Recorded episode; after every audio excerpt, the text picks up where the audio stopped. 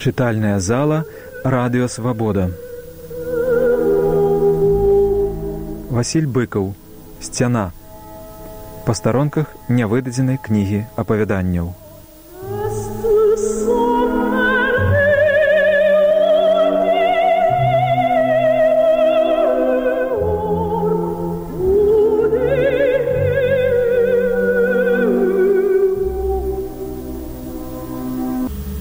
Мсціўцы.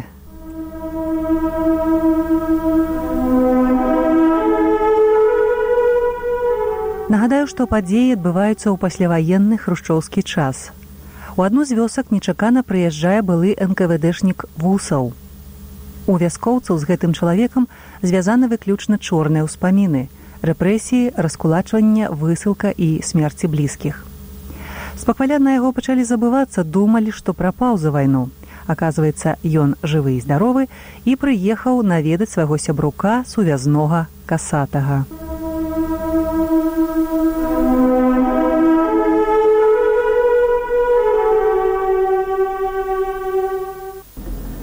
Узрушаны тая навіной снайпер Іван памалу пабрыў абсаджанай каровінымі ляпёхамі вуліцай да хаты саўчынкі. Ён аж забыўся на сваю патрэбу, калі ступіў у расчыненыя вароцы яго сядзібы. Саўчынка, мажны шыракагруды дзядзька з сівою чупрынай на галаве, у белай расшпіленай сарочцы, скончыўшы адбіваць касу, прыладжваў яе да касавільня. Чуў, запытаў адвароцаў снайпер Іван, вусаў прыехаў.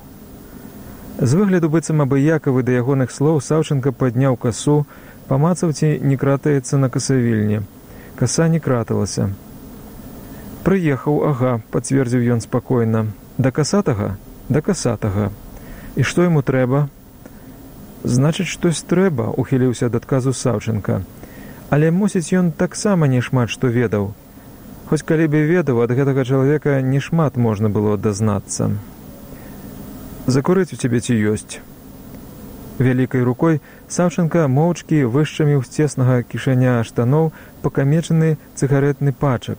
Даў суседу пасля ўзяў адну сігарету сам. Да гэта што ж атрымліваецца закурыўшы не мог чагосьці даўмецца снайпер иван по-новаму пачынаецца ці як? Можа і по-новаму Саўчынка быў старэйшы за снайпера Івана і ў адрозненне ад яго не гаваркі і стрыманы ў пачуццях для таго былі свае прычыны. Толькі якіх-небудзь 5 год той прыехаў з сібіры са ссылкі, у якой адбухаў ці не 25 год. Паехаў некалі маладым мальцам з бацькамі падкулачнікамі, а вярнуўся сівым і старым. Паводзіў сябе ціхмана, мабыць, не чуючыся раўнёй з астатнімі калгаснікамі, хоць бы во і з гэтым Іванам. Гэты так загераізаваў всю вайну, што гатовы быў забыцца на сваё бацькоўскае прозвішча Ярашевіч і ахвотней адгукаўся на мянушку снайпер. Але лацно Івану ён і праўда прайшоў агоні ваду ў партызанцы, і хоць славы там агораў няшмат, затое языку цяпер даваў волю. Не тое, што Саўчынка нядаўні ссыльны падкулачнік, які на старасці год захацеў дажываць свой век у родным кутку. Тут трэба было раз і назаўжды забыцца на свае крыўды, калі б яны забываліся.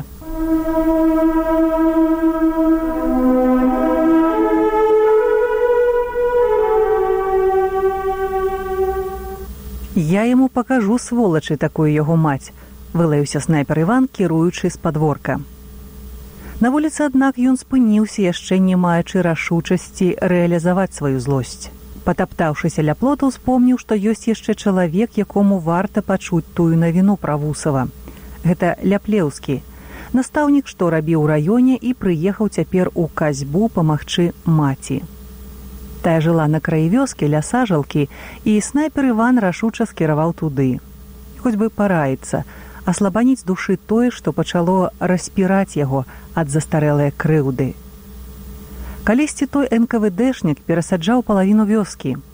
То быў чужынец аднекуль прыезджы ў іхні раён і ў іхняй вёсцы займеў сабе вернага памочніка з мясцовых касатага з якімі саджалі пачынаючы з 33 але асабліва пашчаравалі яны ў 37 калі загрэблі і старога іванавага бацьку. На ўласнага стукача касатага ў вяскоўцаў злосці ўжо не было. Яна ўся перагарэла за гады, калі гэтага недалэнгу таксама загрэблі, хаця і апошняму тую пару на заедак.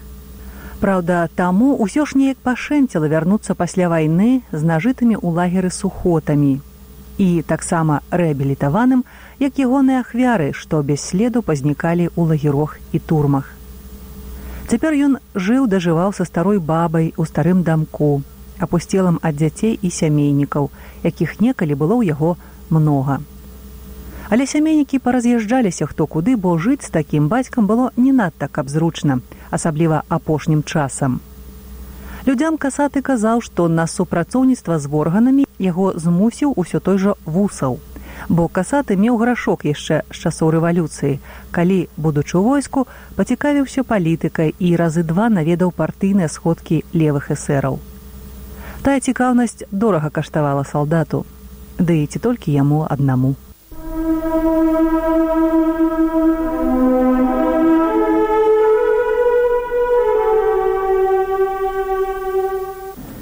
На незагароджаным ад вуліцы падворку ляплеўскага нікога не было відаць, але на паркане каля сяней віселі поруч дзве касы з блішчастымі лёзамі.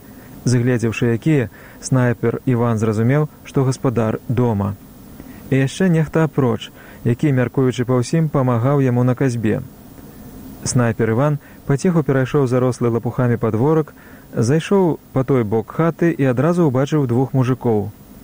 Пад глухой сцяной ля старой разгалістай грушыны быў змайстраваны невялічкі столік з лаўкай, за якім цяпер сядзеў маладжавы, хаця ўжо лысы ляплеўскі і ягоны госць дубчык.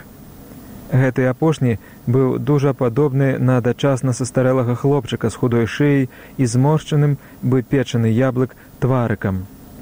Абодва моўчкі утаропіліся ў нечаканага заходжага. На засланым газецінай стале валяліся калевы сарванай з градкі цыбулі і стаялі дзве шклянкі. Бутэльку, вядома, яны засцярожліва паспелі прыхінуць у траву побач, што, аднак адразу згледзеў снайпер Іван. П'ем, замест прывітання строга канстатаваў ён. А што, нельга? з выклікам азваўся ляплеўскі.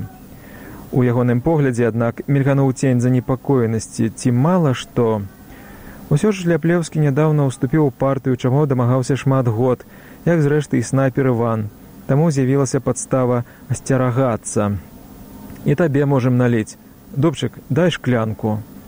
Дубчык, нешта жуючы поўным ротам, не адразу пасунуў сваю пустую шклянку, у якую ляплеўскі ашчадна адмерыў роўна палову. Затым трохі пляснуў у сваю. Во, дакаселі, дык надумалі адмеціць, сціпла патлумачыў гаспадар. Снайпер иван моўчкі выпіў тыя паўшклянкі. Адным спраўным глытком. Заядаць нічым не пачаў узяў са стала пачак прымы. Зацягнуўшыся пару разоў расслаблена апусціўся на вузлаватыя карані грушы што вытыркаліся побач з зямлі. А вы ведаеце хто да касатага прыехаў? Ну а хто? Пляменнікі у яго ж горшы племяшы жывуць спакойна зазначыў гаспадар таксама закурваючы. Пляменнікі. Вусаў во хто прыехаў. Той самы чэкісты нквд які твайго брата змыліў? І тваіх дубчык а то пляменнікі. За столікам ураз знерухомілі змоўклі. Ляплеўскі на момант нібы праглынуў язык а дубчык нават перастаў жаваць ляплеўскі устаў ад століка усё курачы падышоў да плоту. Сонца ўжо закацілася за лясныя нетры. Залешніку за бульбяным палеткам насоўваўся вечаровы прыцемак. Мацней запахла бульбоўнікам. Прыемна павеяла дымком суседняга коміна. Плечы ў лёгкай сарочцы ўжо ахінала вільготная свежасць. Трэба б схадзіць у хату ды надзець пінжак але гаспадар бавіў час чакаў пасланца падабаўку дубчык у заношанай шэрай свіцы таксама цярпліва чакаў падпіраючы худымі плячмі яшчэ цеплаватыя бёрнай сцяны Дубчык, у цябе хоць з радні хто застаўся, Ды няма нікога. А сястра старэйшая, клаўзяй, здаецца, звалі. Дык памерла, а малодшая тоже памерла. А кандрусёва старэйшы сын, Ён жа табе дваюродным братам даводзіўся. Таго ў вайну забілі, Дык што ж ты адзін? Ну, ціха азваўся дубчык. Дубчык і сапраўды жыў бабылём, адзін у старой хаце, скаціны ніякай не меў, не трымаў нават курыцы. Рабіў у калгасе па спецыяльнасці куды пашлюць, еў дзе што дадуць. Піў колькі нальюць, паводзіў сябе цехмана і непрыкметна. Калі дзе перабіраў, дык там і засынаў, хоць на лаўцы ў хаце, хоць пад кустом у полі. Мужыкі яго недалюблівалі за недаросласць, а болей за схільнасць да дармаўшчыны. У кураве ці ў выпіўцы. Бабы ж нават любілі за безадмоўнасць. Калі дзе што трэба было з мужчынскай працы, напілаваць дроў, узлезці на страху да коміна ці выкапаць магілу нябожчыку, найперш клікалі дубчыка. І той рабіў. Пра плату не пытаўся ніколі, ды яму рэдка і плацілі, звычайна давалі на бутэльку ці самую бутэльку, якую дубчык тут жа і выпіваў з выпадковым сабутэльнікам. Але і сам пры выпадку не пудлаваў, калі ў каго паспявала выпіўка. На тое ён меў адмысловы нюх і не зяваў ніколі. Праз якіх паўгадзіны на падворку паявіўся снайпер Іван. За ім нетаропка ступаў саўчынка, які моўчкі дастаў з кішанёў пінжака дзве паўлітры. З важнасцю паставіў на стол. Ого, міжволі вырвалася ў гаспадара. Вось табе і ого, перадразніў яго снайпер Іван. Дубчык, а ну давай, нарві цыбулі. І гэта хлеба.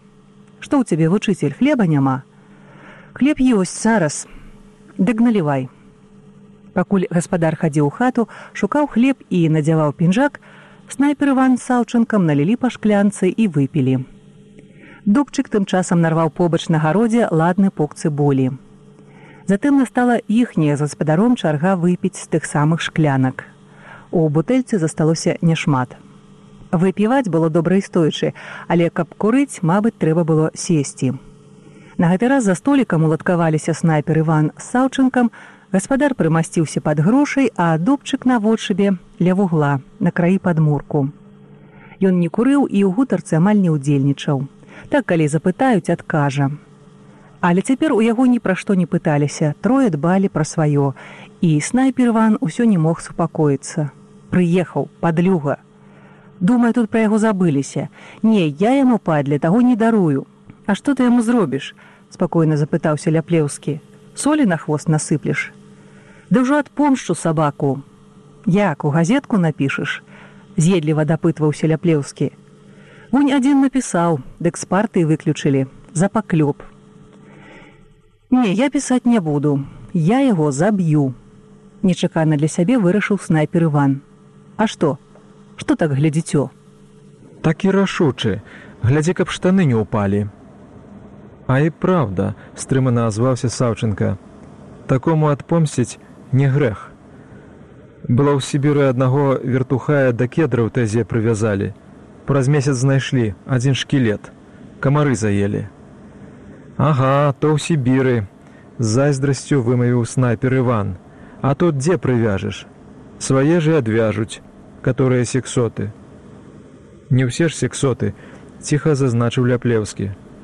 Хапае, і ў нас таксама. Ляплеўскі не запярэчыў, толькі прыслухаўся, каб зразумець, на што намякае. Ляплеўскі заўсёды быў чуйны да нават малога намёку такога кшталту, бо за намёкам, магла быць небяспека ці яе блізкі сігнал. Тое, што некалі пасобіла яму ў жыцці, дало магчымасць скончыць інстытут і нават уступіць у партыю, цяпер вельмі проста магло ўсё спляжыць. Настала іншая пара. Пачалася новая палітыка і невядома яшчэ, як там наверсе паставіцца да інстытута сексотаў. Могуць тайна аддзячыць, а могуць і адкрыта спагнаць. У кожным з гэтых выпадкаў была непэўна і неспакойна, гняло і выклікала трывогу. Нарабіў гэты дурань хрушчоў вэрхалу не толькі з кукурузай.